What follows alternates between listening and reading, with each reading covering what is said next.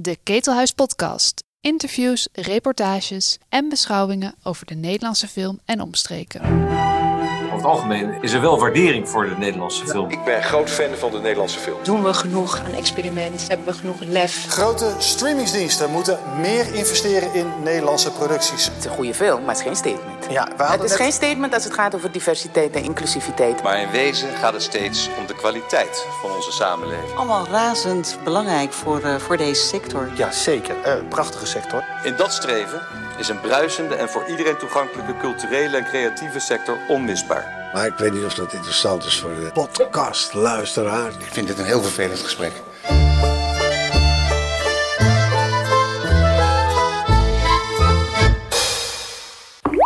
Nou, welkom bij de 73ste editie van de Ketelhuis Podcast alweer. Terwijl het Nederlands Filmfestival nog volop zijn gangetje gaat, staan we aan de vooravond van de uitreiking van de Gouden Kalveren 2022. We zitten hier aan de keukentafel om de nominaties voor die kalveren door te nemen. Acht nominaties voor Do Not Hesitate, vijf voor Knor, vier voor Narcosis en vier voor Moloch.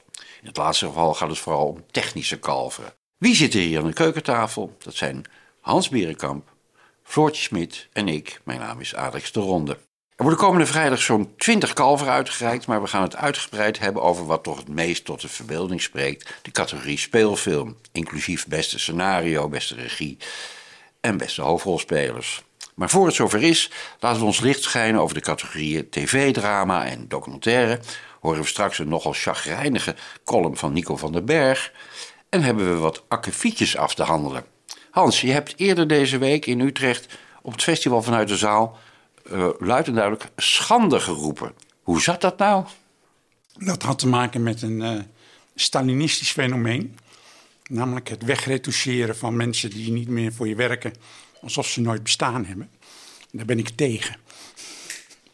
Was daar bij de uitreiking van de Louis Hartloperprijs. voor de beste filmpublicatie van het jaar. En die was voor eh, een uitgave van het International Filmfestival Rotterdam 25 Encounters. Waar ik zelf ook aan heb meegewerkt. Het zijn gesprekken van twee keer 25 mensen uit de geschiedenis van het festival die over film reflecteren. Het was een initiatief van Gerwin Tamsma, eh, die ook een groot deel van het werk heeft verricht. En eh, ik sprak hem wel eens toen we daarmee bezig waren. En zei: Ja, ik heb steeds last van de directie die zich ermee bemoeit. Nou, het eind van het liedje was dat eh, Gerwin op non-actief is gesteld met nog een heleboel andere mensen in Rotterdam. En eh, toen de prijs werd uitgereikt, was die aan de auteur van het boek, Wanja Kaludjercic, de directeur van het festival. En op de dia was de naam van Gerwin, die wel voor in het colofon staat, was eh, weggepoetst. En toen zei ik, dat is raar, want eh, volgens mij is het boek een initiatief en een concept van Gerwin. En het minste wat je kan doen is bij het dankwoord dan nog even zijn naam noemen. En degene die de prijs in ontvangst nam, Wanja Kaludjercic, wat uiteraard in het buitenland, was Marjan van der Haar, eh, zakelijk directeur van Rotterdam. En die noemde die naam van Gerwin niet. Dus toen riep ik, het is een schande, jullie kunnen niet eh, de- zomaar de, de initiatiefnemer niet meer noemen. En wat, hoe re- riepen ze toen, hou je mond? eh, De- eh, dat ik onfatsoenlijk, oude- was, oude dat ik, onfatsoenlijk was dat ik door de zaal heen schreeuwde. En zei Marjan, je had best na afloop naar me toe kunnen komen en me dat dan persoonlijk kunnen vertellen. Ik zeg, ja, maar dan hadden een heleboel mensen het niet gehoord. Maar er waren geen mensen die eh, het met je eens waren. Ja, maar die hielden ook allemaal hun mond. Die zeiden allemaal, ach, wat goed dat je dat hebt gedaan. Achteraf. Maar Hans, dat boek over het Rotterdamse Filmfestival... dat is toch waarin de eh, directrice van ja in het voorwoord schrijft... dat ze zo trots is dat in het verleden... cinema militantslezingen zijn gehouden... door Roland Joffe en eh, Paul Schrader. Ja, En dat waren volgens mij lezingen die tijdens de Nederlandse filmdagen... toen dat dacht nog- ik ook, ja. Ja. Nee, maar kijk, dat is het interessante. Als je die, eh, je hele geheugen van je festival ontslaat... dan eh, moet je zelf veel huiswerk doen. En dat gebeurt dus niet. En dus ook niet door degene die de prijs hebben uitgereikt. Want daar nee, kan dat je was heel interessant. ook. Ja, dat heb ik ook nog even gevraagd. Ja. Ja. Zei ze, ja, nou, Gerwin heeft zich van het boek gedistanceerd en wilde niet komen en heeft er niks mee te maken. Wilde niks meer mee te maken hebben. Dan kan ik me voorstellen inderdaad dat Gerwin niet meer op, op één podium wil staan met de mensen die hem ontslagen hebben. Niet vanwege het boek, hè, trouwens. Ik bedoel, dat moet Nee. wel duidelijk zijn. Ja. Het is een, een langlopendere... Maar ik kreeg dus de volgende dag een, een eh, berichtje van Gerwin om mij te bedanken. En toen heb ik gevraagd van, goh, ik dacht dat je ook gedistanceerd had. Nou, zei hij, mij heeft nooit iemand iets gevraagd. Nog van het festival uit, nog van de Louis Hardloperprijs uit. Goed, over Rotterdam moeten we het later nog maar eens een keer uitgebreid hebben. Hè, hoe het daar verder mee moet in Rotterdam. Terug naar Utrecht. Een van de twintig eh kalfwinnaars van komende vrijdag is al bekend. Dat is Wil Koopman. Die krijgt de zogeheten cultuurprijs eh, van het festival. Ze is bekend als producent en eh, regisseur van onder meer Gooise Vrouwen en van Oogappels. Ehm terechte be- bekroning, Floortje? Ja, ik vind van wel... Ja, Ja, want een ontzettend eh, vaardige regisseur. Ehm, en ze, ze zit natuurlijk veel meer in het, in het lichtere genre... waardoor regisseurs die in het lichtere genre zitten... vaak over het hoofd worden gezien. Dus ik vind het eigenlijk ja, zeer, terechte, zeer terechte erkenning, ja. Hans, mee eens? Ja, absoluut. Eh, Wil Koopman heeft volgens mij zelfs commercieel nog een betere track record dan Johan Nijenhuis. Hoewel het niet veel zal schelen.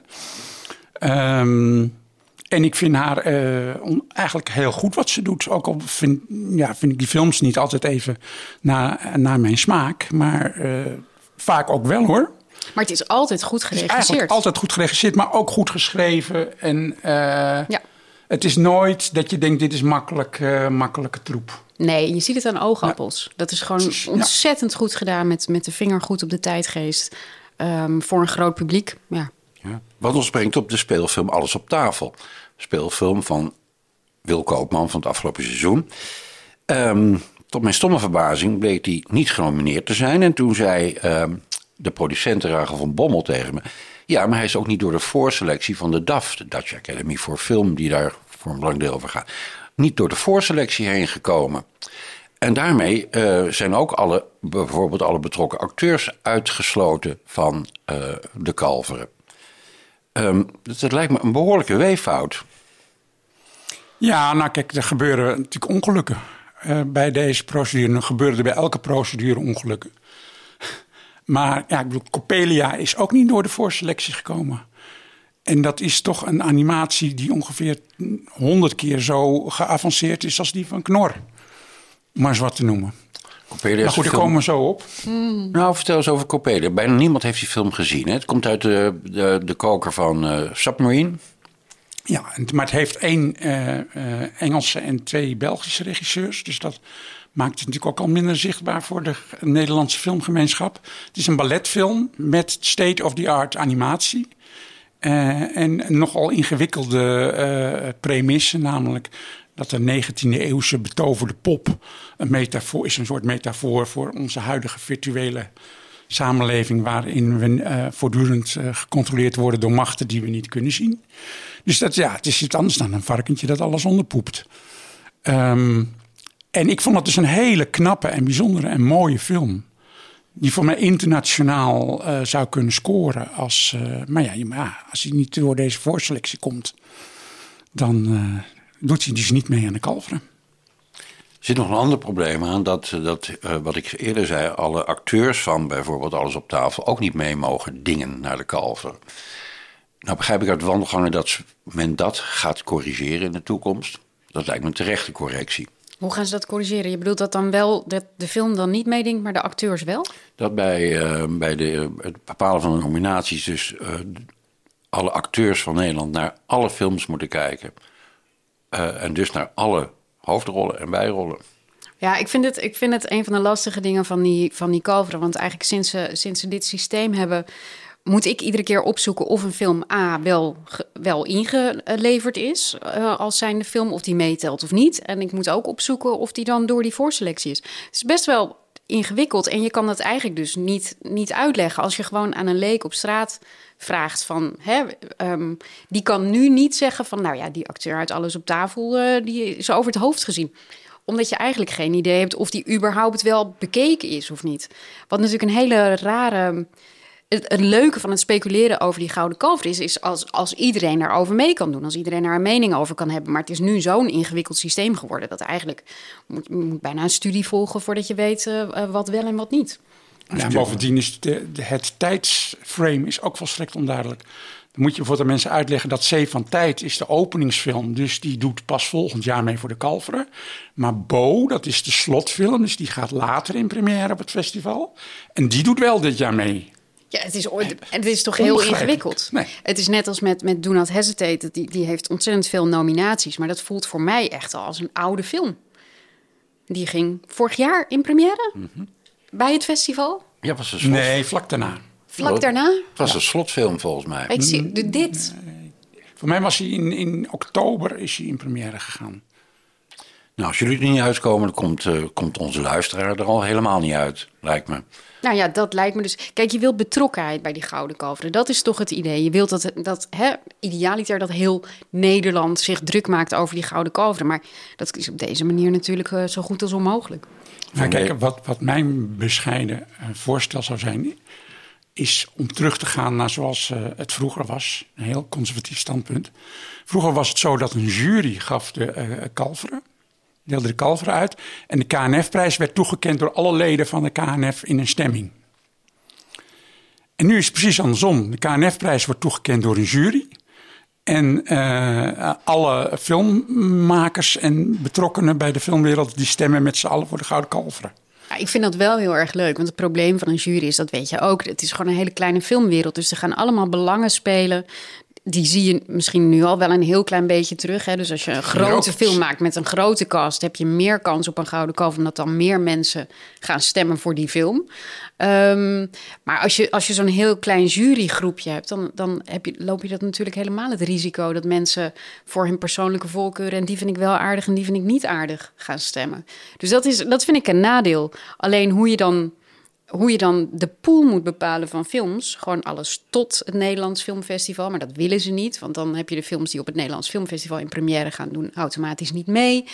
Eh, ja, het is een heel, ik, ik vind het een heel ingewikkeld eh, systeem op deze manier. Goed. Ehm, laten we maar even naar die nominaties gaan kijken dan. Beste dramaserie. Er zijn drie eh, series genomineerd. Dirty Lines, Het Jaar van Fortuin en Ramvlucht. Nou Hans, jij bent de enige van ons die televisie kijkt. Dus zeg het maar. Nou, Rampvlucht heeft nog helemaal niemand gezien, behalve de jury van eh, het Nederlands Filmfestival, want die gaat daar in première. Ja, even voor, de, goede, voor, voor de orde. Dat is eh, niet een kalf dat eh, door de Academy, de leden van de Academy, maar door een jury. Dat weer- wordt weer door een jury bepaald. Ja. En de jury is de enige die Ramvlucht heeft gezien. Nou, de En jij zit niet in de jury. Ik zit niet in de jury. Nee, oké. Eh, de andere twee genomineerden zijn eh, Dirty Lines en Het Jaar van Fortuin.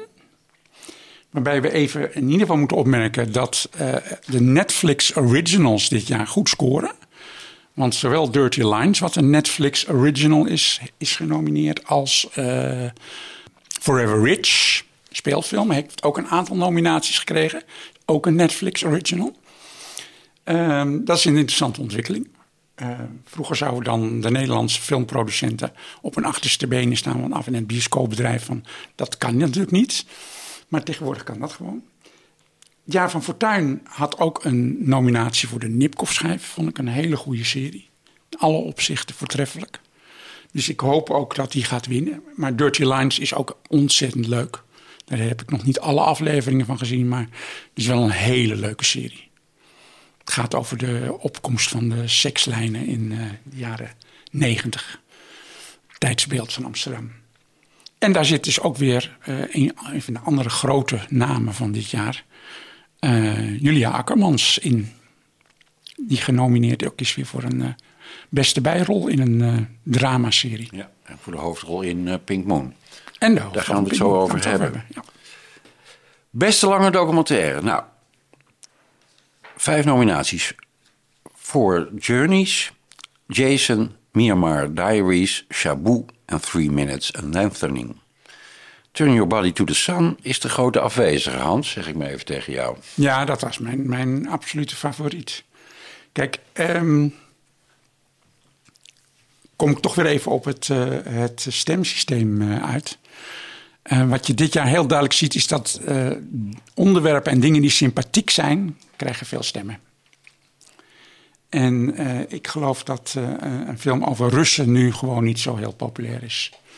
Dat die krijgt de sympathievoot niet. Terwijl juist heel goed laat zien. Turn Your Body to the een film van Aliona van der Horst. over uh, dienstweigeren. mensen die zich hadden overgegeven in de Tweede Wereldoorlog, Russen. Dat die daarna naar Siberië worden getransporteerd. Nou, ik hoorde net gisteren dat er nu een wet is aangenomen in Rusland. dat als je je overgeeft in Oekraïne. dat je dan tien jaar gevangenisstraf uh, krijgt. Dus dat is een hele actuele film, lijkt Maar goed, maar die is dus niet genomineerd.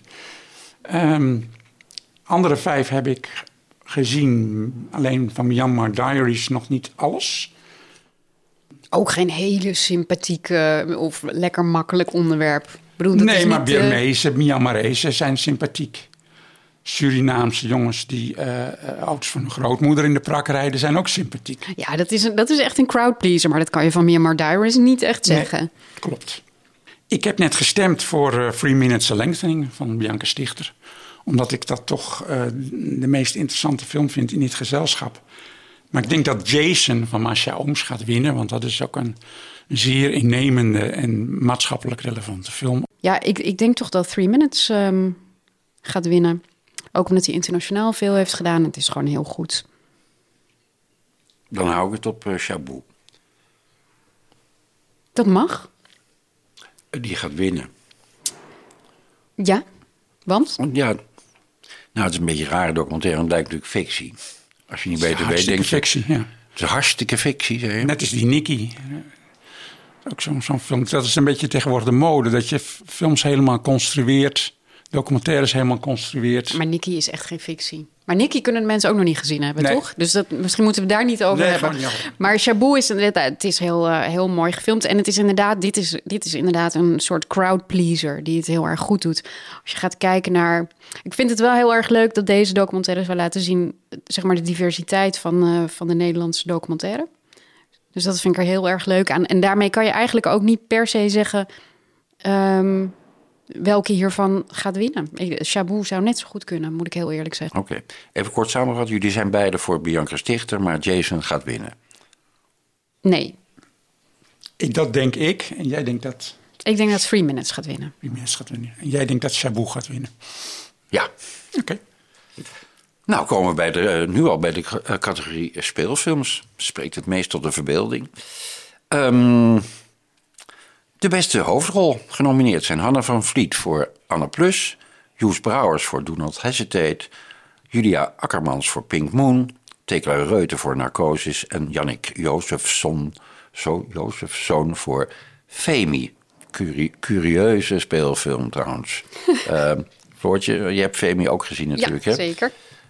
Uh, en? Kon je er chocola van maken? Ja, nou, het verbaast me dat, die, um, dat Janniek boven komt drijven. Omdat ik gewoon had gedacht dat niet zoveel mensen die gezien zouden hebben. Dus of de Academy-stemmers uh, nemen hun taak erg serieus en kijken alle films en uh, dan komt hij wel boven. Of, um, of er is relatief gezien niet zoveel gestemd. Ik, ik, ik weet het niet. Ik vind. Uh, campagne gevoerd, dat kan ik ook nog. Ja. Heb je die campagne meegekregen? Nee, nee, nee. Ik heb je iets rondom, want Femi heeft ook weinig van tevoren, heb ik weinig over gehoord. Er is eigenlijk geen bus omheen. Er zijn veel films over de identiteit van mensen uit verschillende culturen. Die met, uh, hoe heet het, etnische identiteitsproblemen zitten. Dat is deze film ook weer. Ik kon er absoluut geen chocola van maken. Tot ik in een interview las dat de uh, regisseur een enorm bewonderer is van Apichatpong Werasetakul. en toen dacht ik, oh, wacht even. Het gaat erom dat we een film maken die niemand begrijpt. Oh ja, nee, ik begreep, ik begreep hem wel. En ik, vind, ik vond het ook, um, zeg maar, de combinatie van... De, het is gewoon, het speelt zich niet af in Amsterdam. Dat vond ik al heel erg leuk. Of Rotterdam. Tegenwoordig speelt, speelt bijna in, alles. speelt in Tilburg, geloof ja. ik, hè? Eindhoven. Ja. Eindhoven. Ja. Nee. Eindhoven, oké. Okay. God, daar gaan we met ons. Ik had best geworden. Ja. Dat is de kijkersvraag. Is het nou Tilburg of Eindhoven? Mm. Nee, je ziet het PSV-stadion steeds. Ja. Dat is niet het Willem II-stadion. Ik weet heel weinig van voetbal eigenlijk. dus ik, ik, vertrouw hier ook volledig op jou. Um... We hebben dus overigens uh, drie vrouwelijke genomineerden en twee mannelijke. Dat is ook iets wat je tegenwoordig natuurlijk wel even moet uh, registreren. Uh, Het is goed dat je het zegt, Hans. Eh, Kijk even naar de openingsfilm, de zee, eh, eh, Een Zee van Tijd. Wat je er ook van vindt. Maar Gijs Scholten van Aschat en, eh, hoe heet ze? Eh, Elsie, Elsie de Brouw. Elsie de Brouw. Die zijn echt weergaloos. En dan overdrijf ik niet. En dan zit je meteen weer voor volgend jaar met het probleem... wie moet dan godsnaam dat gouden kalf krijgen? Die genderneutraliteit breekt ons op. Of is dat niet correct, Floortje? Nou ja, het lastige daarvan is, dat je bijvoorbeeld... stel je voor dat iemand wil stemmen op Zee van Tijd... omdat er zo goed in geacteerd wordt... dan moet je dus een keuze gaan maken tussen die twee. Wie je dan beter vindt. En dat gaat gewoon ten koste van uiteindelijk... van het totale aantal stemmen op zo'n film. Dus dat betekent misschien dat Zee van Tijd... überhaupt erbuiten gaat vallen... omdat er dan dus niet genoeg mensen... een duidelijke richting hebben voor zo'n eh, film. Dus dat, dat is een, een groot probleem van die, van die genderneutraliteit. Kijk, de, de, de praktische consequentie van deze keuze is vooral dat er minder kalveren voor acteurs zijn. Ja. En eh, namelijk de helft. Als je nu naar dit gezelschap kijkt, dan denk ik dat Joes Brouwers en Jannik Jozefzoon niet de eh, meest f- favorieten zijn van de vijf. Ik denk dat het toch zal gaan tussen Tekla Reuten en Julia Akkermans. Eh, Hanna van Vliet vind ik een leuke actrice, maar ik vond die film niet zo goed. Eh, veel minder leuk dan de serie. Anna Plus. Ehm, ja, maar je kan het personage natuurlijk doortrekken. Ja. Dat gaan mensen natuurlijk doen.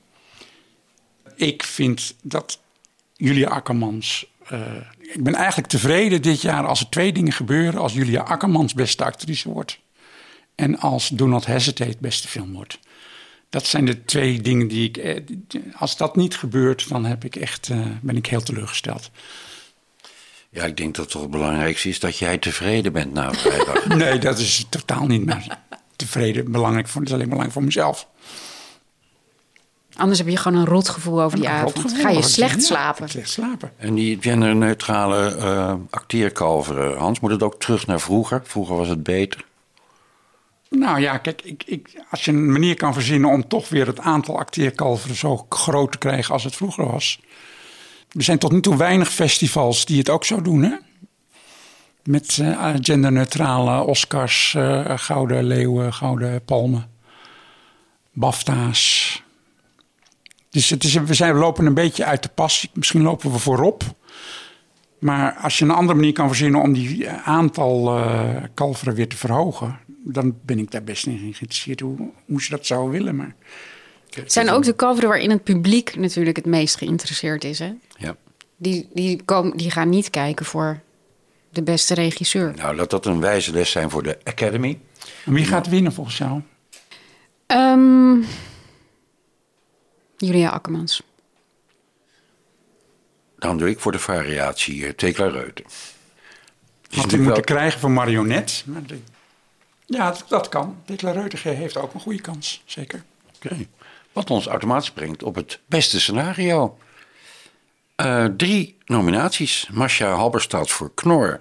Meike de Jong voor Along the Way. En Sharif Korver voor Do Not Hesitate. Nou, had Along the Way eigenlijk wel een scenario, Hans? Ik eh, heb een hoop dingen over het maken van Along the Way niet goed begrepen. Eh, of het nou improvisatie was, of, maar dat is vaak bij Meike de Jonge. Dat ze, ze heeft een soort van scenario en daar wordt dan op geïmproviseerd. En dat filmt ze dan weer als een documentaire. Dat is een beetje de, de, de grondvorm van een Meike de Jong film. Ik denk dat deze film wel relatief eh, veel scenario had.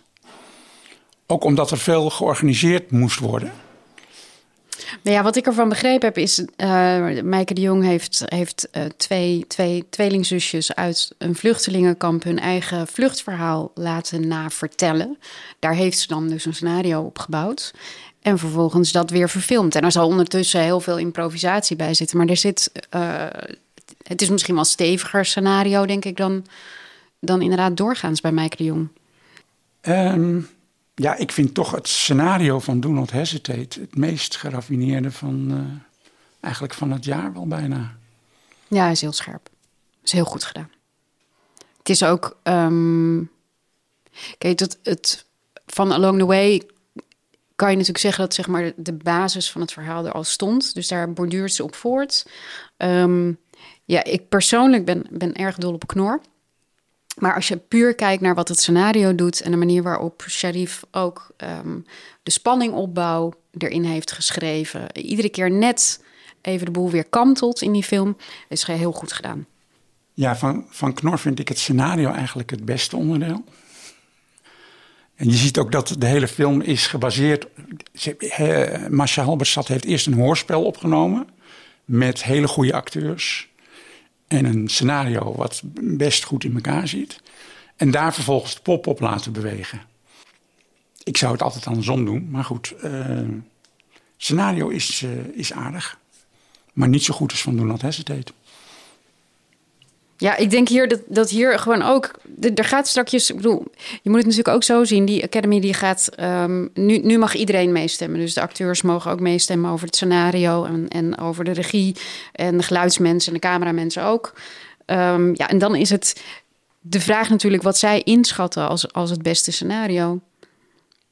En dan denk ik toch dat uh, knor, omdat het ook grappig is en, en leuk. Mensen denken vaak dat dat makkelijker is. Maar dat is natuurlijk veel moeilijker dan iets spannends schrijven. Dus ik gok dat uh, Sharif Korver gaat winnen. Oké, het blijft altijd een probleem om aan de hand van het uiteindelijke resultaat het scenario te reconstrueren. Dat blijft natuurlijk is een eeuwig probleem.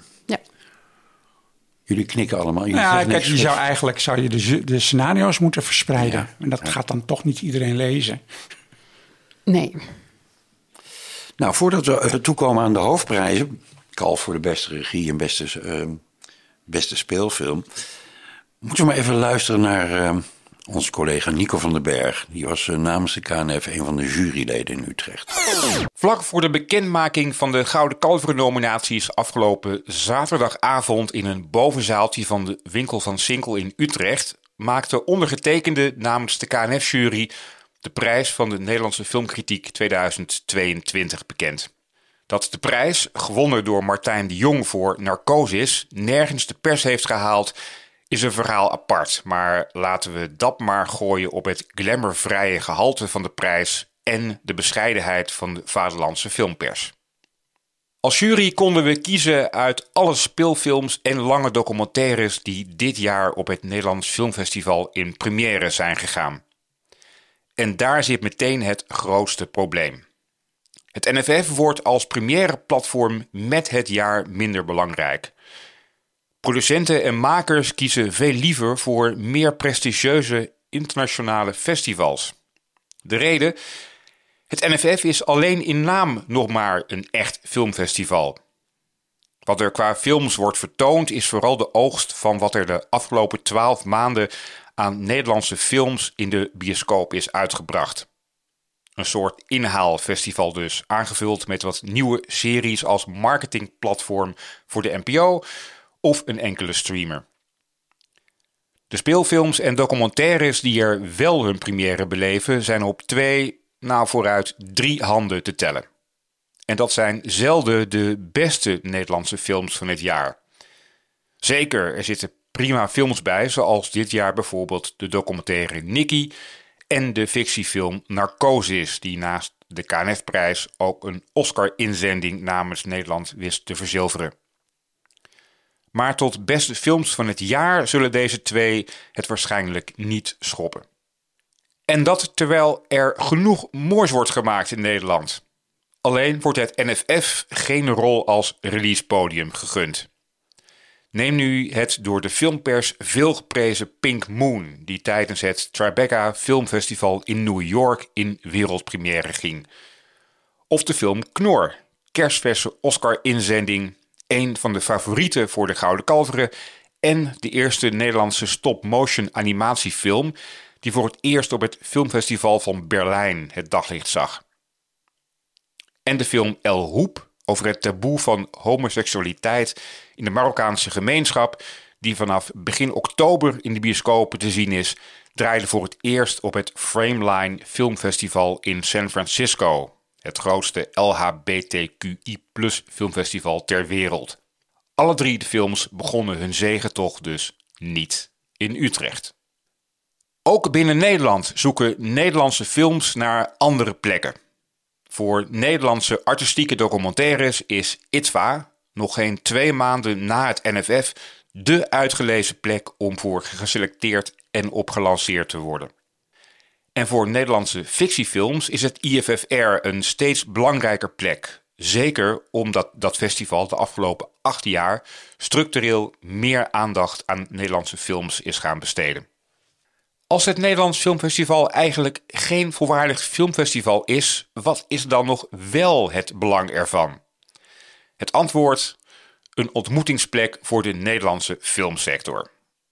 Het NFF heeft de afgelopen jaren het professionals-programma handig omgebouwd tot een compact en interessant geheel van relevante sessies, workshops en gesprekken rond een groot aantal actuele thema's als diversiteitsprogramma's en distributievormen. En uiteraard is het Gouden Kalveren Gala ook een moment waarop de industrie zichzelf een beeldje in de reet mag steken en elkaar na afloop volop kan vetteren. Maar hoe moet het NFF als publieksfilmfestival dan verder? Interne geluiden speculeren over een nieuwe manier van films presenteren, inclusief de jaaroogst. Je zou films dan volgens thema kunnen clusteren of met een bepaalde context kunnen vertonen. Het NFF zou er daarbij verstandig aan doen om het filmprogramma drastisch te verkleinen en te focussen op relevante en urgente producties, in plaats van het domweg recyclen van uitgedraaide films. Bijkomend voordeel daarbij is dat de KNF met deze nieuwe opzet en bijbehorende programma's tot een interessantere en spannender juryselectie kan komen dan nu het geval is met de magere première selectie. Het wachten is alleen nog op witte rook voor dit plan uit de Domstad. Nou, los van de beeldspraak dat er kalveren in reten worden gestopt, waar ik gewoon niet aan moet denken. Um, ja, wat zegt hij over die KNF-prijs? Het is natuurlijk een heel malle, malle deelselectie. Dat de KNF-jury, bestaande uit een mannetje of drie, drie, vier, drie dat die alleen maar mag kiezen uit première films. Ja, ik, ik ga weer terug naar de geschiedenis. De Nederlandse filmdagen zijn ooit begonnen als overzicht van de Nederlandse films van het afgelopen jaar. En dat is op een gegeven moment is dat veranderd in het Nederlands Filmfestival. En moesten er dus allerlei andere activiteiten ook bij komen. En moesten het glamour krijgen en PR-waarde. Uh, en de KNF-prijs was ook aanvankelijk werd gekozen door alle KNF-leden uit alle Nederlandse films van het afgelopen jaar. Is de meest logische opzet ja, nog steeds. De meest logische opzet. En het, en het is natuurlijk niet zo dat nu, tenminste dat, dat vind ik, dat nu opeens een probleem is dat de Nederlandse films niet in première gaan bij het NFF. Volgens mij is dat iets wat, al, zo geweest, ja. wat al jaren een probleem is. Het, wel iets om um, inderdaad op te vangen. En je moet inderdaad als festival ook dan niet pretenderen dat je zo'n soort platform bent. Maar dat, dat is het eigenlijk helemaal niet. Ik vind ook niet dat het woord filmfestival, dat het daarmee dat je daarmee suggereert dat je alle Nederlandse films die belangwekkend zijn. Dat willen ze natuurlijk wel, maar ze zijn natuurlijk ook niet gek. Hè? Ik bedoel, laten we gewoon heel eerlijk zijn. Uh, je hebt Berlijn. Um, ik denk dat iedereen wel weet dat als je uh, je film in première wil laten gaan en je kan Berlijn halen, ga je gewoon liever naar Berlijn, toch? Of naar Venetië of naar Venetië of naar Cannes. Natuurlijk uh, probeer je dat eerst. Dus en je zit natuurlijk ook met. Het is ook een beetje gekke timing, natuurlijk, Nederlands Filmfestival. Dus je, hè, stel je voor, je film is nu ongeveer af. Dus hij zou bij het Nederlands Filmfestival kunnen draaien. Dan ga je hem inzenden naar Berlijn. Of je, of je zendt hem eerst in naar Cannes. En dan hoop je dat tegelijkertijd met Berlijn dat er dan iets is wat. Um, dat er een festival is uh, die hem neemt. Maar als ze hem dan niet nemen, laat je hem niet een jaar op de plank liggen. Dat is ook weer raar. Het hoofdprobleem lijkt me toch dat je met het Nederlands Filmfestival twee dingen tegelijk wil doen die niet goed verenigbaar zijn. Je wilt een uh, ontmoetingsplek zijn voor de Nederlandse filmsector. En je wilt een voor het publiek aantrekkelijke en dus ook voor sponsors uh, aantrekkelijke, glamourachtige filmfestival zijn. En die twee dingen zijn eigenlijk totaal tegengesteld, hebben nauwelijks iets met elkaar te maken. En ja, die, dat zal dus altijd blijven schuren. En hoe die prijzen eh, worden toegekend, ja, daar, daar, dat is langzamerhand zo ingewikkeld. Ik weet niet waarom bijvoorbeeld de KNF ervoor heeft gekozen om alleen maar uit die première films te kiezen. Is dat een beperking die het festival heeft opgelegd? Of is dat uh, een eigen keuze?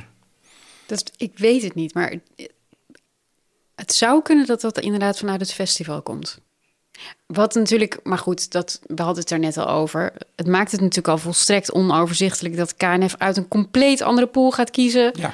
Dan kan je ook niks vergelijken. Het leuke van die, van die prijs van die filmjournalisten is dat je kan zeggen: Oh, kijk, dit is wat de vakwereld heeft gestemd. Maar de filmjournalisten kijken er heel anders tegenaan. Maar kan je nu nooit zeggen. Ja. Nee, het was bij het 40-jarig bestaan, werd ook gevierd van de week van de KNF, werd de smaak van water van Olaf Seunken nog eens vertoond. En die in 1982 de eerste KNF-prijs won. En dat was toen echt een correctie op de jury. Die koos voor de oplossing van Sander Franke. Wat een hele rare keuze was. En De Smaak van Water was dat jaar echt de beste film. En dat was heel mooi dat de KNF dat kon corrigeren. En dat heeft zin. Ja, er zitten nog meer rare dingen in. Uh, waar het gaat om de categorie lange documentaire. De oude, tussen aanhalingstekens, documentaires... die gaan door een uh, selectiecommissie... Uh, en documentaires die in première gaan in Utrecht zitten automatisch in de competitie. Dus dan krijg je, het zijn twee totaal verschillende deelverzamelingen die samen de categorie uh, documentaire vormen. Waarbij we dan nog kunnen aantekenen dat die zeven documentaires die er dus later tussen zijn geschoven, daarvan heeft er geen ene nominatie gekregen. Omdat ik denk dat de stemmers geen tijd meer hadden om daarnaar te kijken. Ja. Werk aan de winkel dus. Um, beste regie. Hans Floortje. Hmm. Drie genomineerden. Masha Halberstad, Knor. Meike de Jong voor Along the Way en Sharif Korver voor Do Not Hesitate. Mag ik hier één ding bij opmerking? Nu we, nu we hier zijn, we hebben net gehoord dat Meike de Jong is genomineerd voor beste scenario. Ze is uh, ook de beste regisseur volgens uh, de vakwereld, of althans één van de drie. Uh, maar ze maakt niet één van de vijf beste films. Dat klopt. Hoe kan dat? Ja, nou, kun je de vraag zelf beantwoorden? Uh, nee, ik heb geen idee. Nou, dan moeten we naar Hans. Hans. Hoe kan dat? Nou, dat gebeurt bij de Oscars ook wel eens hoor. Uh, dat is een, een, bekend fenomeen. Dat, kijk, beste film wordt hier uh, gedefinieerd als datgene wat de producent heeft gedaan. Dus Denk is... jij dat mensen zo kijken naar een beste film? Nee, maar film? zo is het gedefinieerd. Ja, maar zo wordt niet gekeken door de mensen die stemmen, denk ik. Kijk, wij van de filmpers hebben altijd in navolging van de politiek des auteurs gezegd: de film is van een regisseur. Maar daar wordt in het bedrijf heel verschillend over gedacht. In dat geval zou je kunnen zeggen dat Along the Way er zeker bij zou moeten zitten, want dat lijkt me een hel om te produceren. Lijkt mij ook, ja. Dus heel super knap gedaan. Nee, maar dit is een weeffout die je natuurlijk altijd hebt als je beste regie apart hebt van beste film voor ons is dat hetzelfde, maar voor uh, uh, een filmsector of een academy is dat niet zo. Nou ja, in dit geval is het natuurlijk zo. Kijk, daar, daar ligt het natuurlijk aan, is dat de scenaristen hier een voorselectie maken voor beste scenario. De regisseurs maken een voorselectie beste regie. En iedereen maakt een voorselectie beste film. Waarbij we dus kunnen concluderen dat als um, straks iedereen gaat stemmen op deze nominaties, Mijke de Jong niet de beste regisseur zou kunnen worden.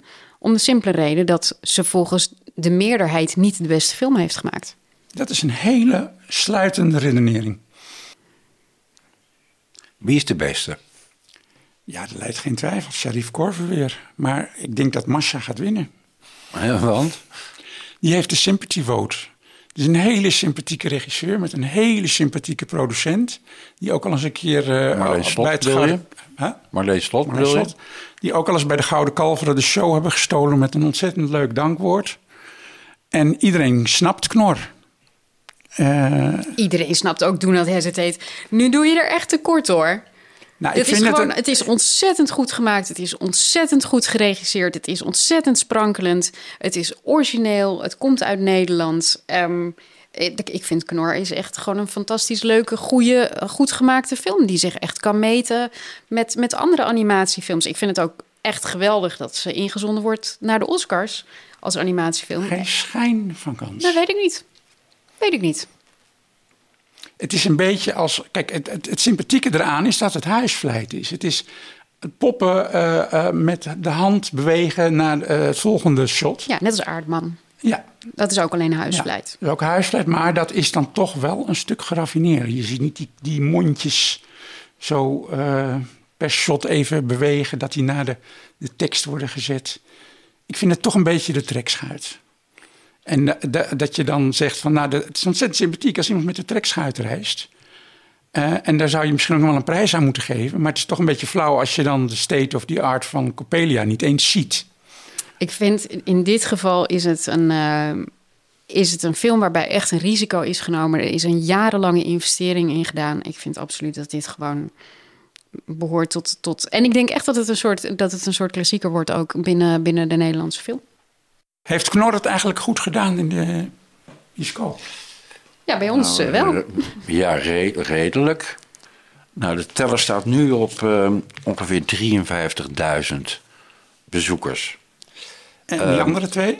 Ja, Along the Way ehm, staat nu, nou, die is al uitgedraaid, op eh, ruim 3500. En Do Not Hesitate, eh, was ook wel het dupe van een lockdown, staat op 4500. Kijk, het zijn wel andere getallen. Laten we het nog maar eens over alles op tafel hebben. Die had er eh, eh, vorig jaar 273.000. We hebben dus over overbezochte films.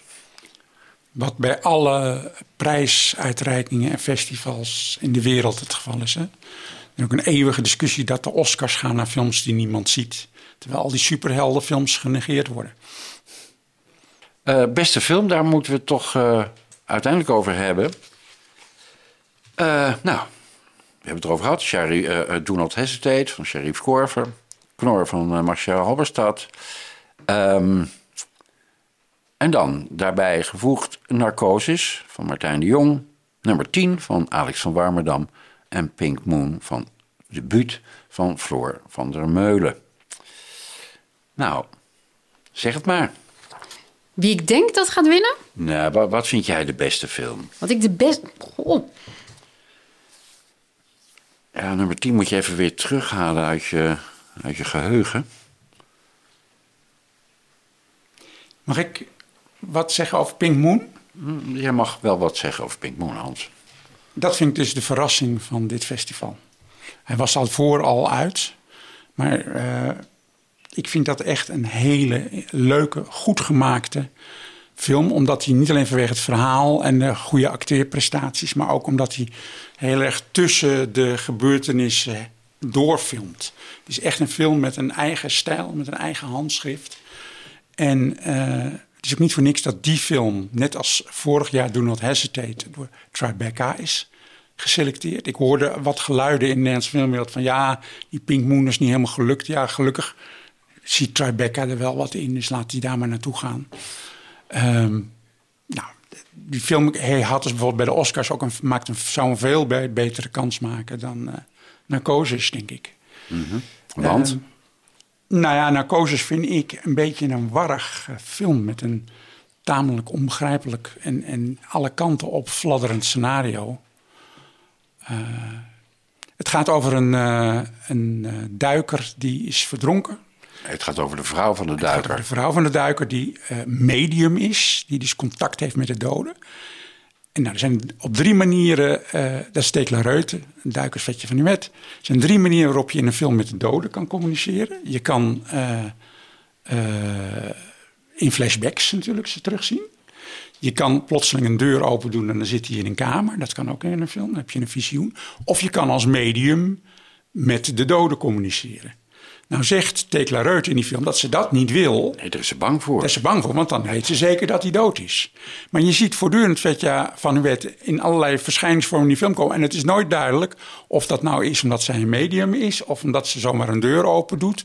of dat het een flashback is. Je snapt hem niet. Dus ik, nou ja, ik vind het onduidelijk. Voor mij is het... Ik weet niet op, op, naar welke verschijningsvorm van de doden ik zit te kijken. Maakt toch niks uit? Nee, dat maakt juist ontzettend uit. Omdat zij zegt dat zij niet als medium hem wil ontmoeten. Dus dan ben ik in verwarring.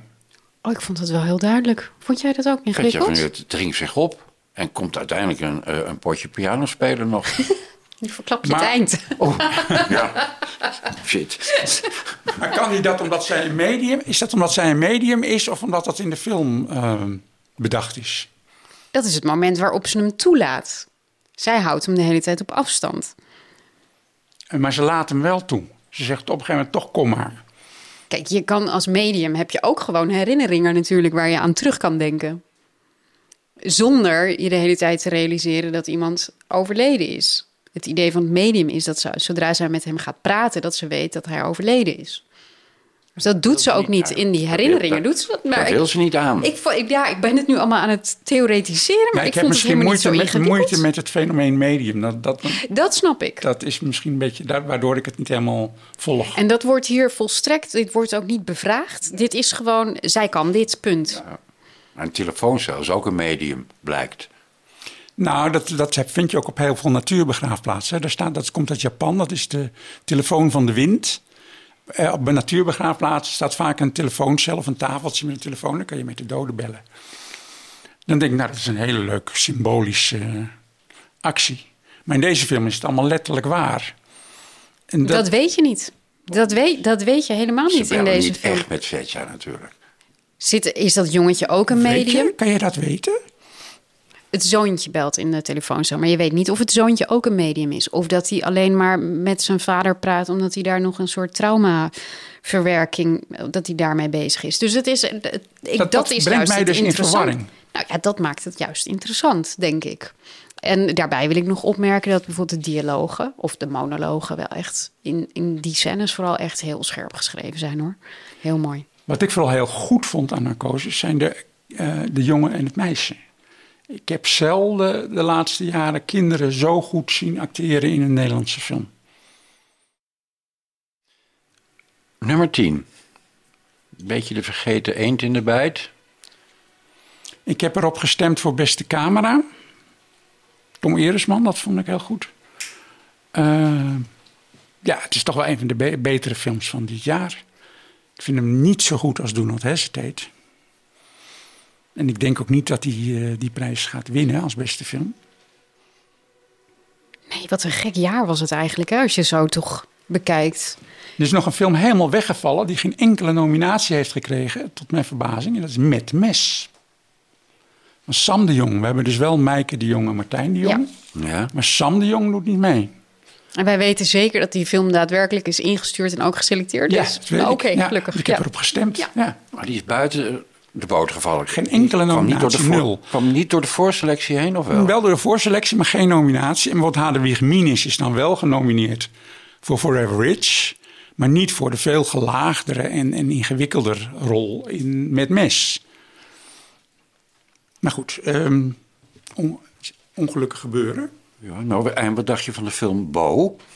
Ja, Bo vond ik eigenlijk ook best een aardige film. Dat komt er uiteindelijk, klopt het scenario niet helemaal. Blijf ik met vraagtekens zitten. Maar dat vond ik toch een hele aardige film. Beter dan Narcosis. Nou, de derde film van Van Ginkel. Hè, met eh, 170 hertz. Of 160, nee, 170 hertz. En, en de Paradise Suite. Paradise Suite had nog een kalf. Ehm, en nu heeft hij geloof ik alleen iets voor beste kostuums of Ja, zo. zoiets, ja. Ehm, Bo was mijn persoonlijke favoriet. En niet die van jou, Floortje. Ik vind Bo ook heel erg mooi. Maar het- ik moet eerlijk zeggen, ik had Knor niet zo ehm, ingeschat als beste film. Dus ik, ik betrapte mijzelf op het vooroordeel dat een animatiefilm... dat dat dus toch een andere categorie is dan gewoon beste film. En eh, nu ik hem er zo bij zie staan, denk ik gewoon, doe gewoon Knor.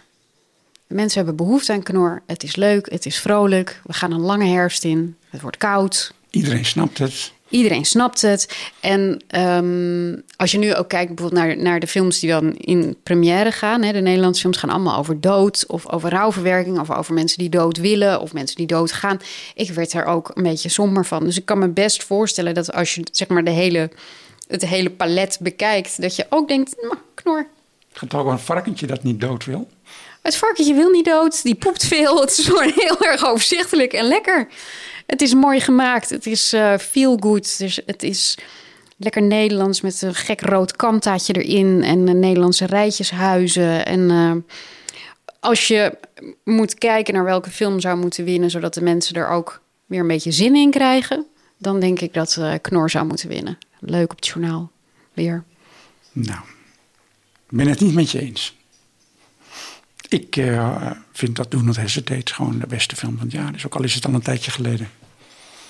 En Knor, ja. Het zijn twee volstrekt bijna... Nou ja, het zijn natuurlijk onvergelijkbare films. En wie gaat hem winnen? Ik vrees eh, Knor. De mensen hebben zin in knor. Het is een beetje de boer-burgerbeweging van de Nederlandse cinema.